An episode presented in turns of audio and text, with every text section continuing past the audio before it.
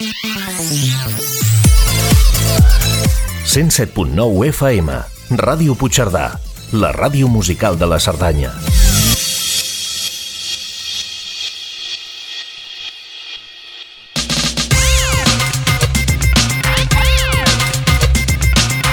A la sintonia de Ràdio Puigcerdà, els dimarts a les 12 del migdia, Ciència en Colors, presentat per l'Enric Quílez, un programa de divulgació científica i tecnològica.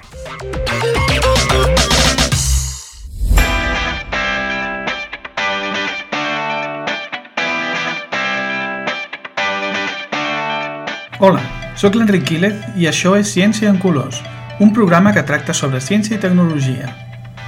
Avui tractarem sobre l'efecte papallona. Per què és tan difícil fer prediccions meteorològiques a més de 7 dies vista? Per què no es pot predir el comportament de la borsa?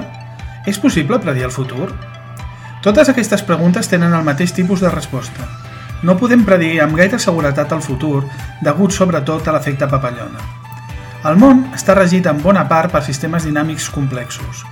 Aquests sistemes solen ser no linears, és a dir, que si canvies una mica les condicions inicials del sistema, el resultat final no varia una mica, sinó moltíssim. Aquests sistemes se'n diuen caòtics. El temps meteorològic, la borsa i la dinàmica històrica són sistemes caòtics. No podem predir amb exactitud la seva evolució, perquè petites oscil·lacions s'amplifiquen amb el temps i fan que allò que hauria d'haver estat una determinada manera acabi sent una cosa totalment diferent. Això és el que es coneix com a efecte papallona. Poèticament es diu que el moviment de les ales d'una papallona a Europa pot acabar provocant un cicló a la Xina. D'on ve això de l'efecte papallona i quan es va descobrir?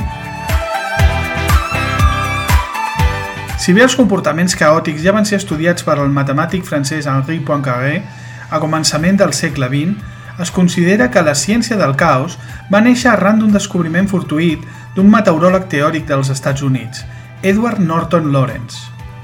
Lawrence estava fent un model matemàtic simplificat de les condicions meteorològiques de l'atmosfera. Aquests sistemes no es poden resoldre exactament, així que funcionen mitjançant simulacions numèriques per ordinador. Lawrence havia executat diverses vegades un determinat model i en un determinat moment va interrompre la simulació per anar a prendre un cafè. Al cap d'una estona, quan va tornar, va reintroduir les dades numèriques allà on s'havia quedat la simulació i la seva sorpresa va ser enorme quan va veure que els resultats que obtenia eren totalment diferents d'allò que havia obtingut cops anteriors. Després de revisar-ho tot un munt de vegades, va descobrir que mentre que l'ordinador calculava amb tres xifres decimals, ell només havia introduït les dades amb dos decimals. Una petitíssima variació en el tercer decimal feia que el model diferís completament al cap d'una estona. Lawrence havia descobert l'efecte papallona. Des de llavors, l'efecte papallona ha estat estudiat en multitud de camps de la física, la química, la biologia, l'economia o la sociologia, per posar uns quants exemples. Però el podem trobar per tot arreu, a la natura o als models teòrics. És una característica de l'univers. Tècnicament, es parla de sistemes dinàmics molt sensibles a les condicions inicials. Per això, els models meteorològics fallen estrepitosament quan volem fer prediccions a molts dies vista. Els petits canvis o errors de predicció es van acumulant i, al final, el que s'obté al model no té res a veure amb la realitat. A causa de l'efecte papallona no podem predir el futur, almenys no podem fer-ho amb detall. Potser algunes coses es poden predir a grans trets de manera estadística, però quan posem la lupa fallarem garrafalment. Aquest és un dels motius pels quals és molt difícil saber com afectarà el canvi climàtic a la Terra de manera exacta. Només podem fer grans aproximacions i treballar amb models més o menys precisos i amb superordinadors, però l'efecte papallona sempre acaba sortint. El terme efecte papallona es va fer mundialment famós l'any 1987 arran de la publicació del llibre de James Lake Caos, la creació d'una ciència.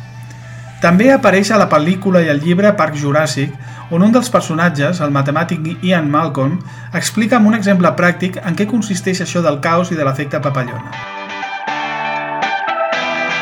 I fins aquí el programa d'avui. Al proper programa tractarem sobre la importància de la ciència avui. Si teniu consultes sobre el món de la ciència i la tecnologia, feu-nos-les arribar al mail grup arroba recercacerdanya.org i mirarem de respondre-les en futures edicions del programa. 107.9 FM, Ràdio Puigcerdà.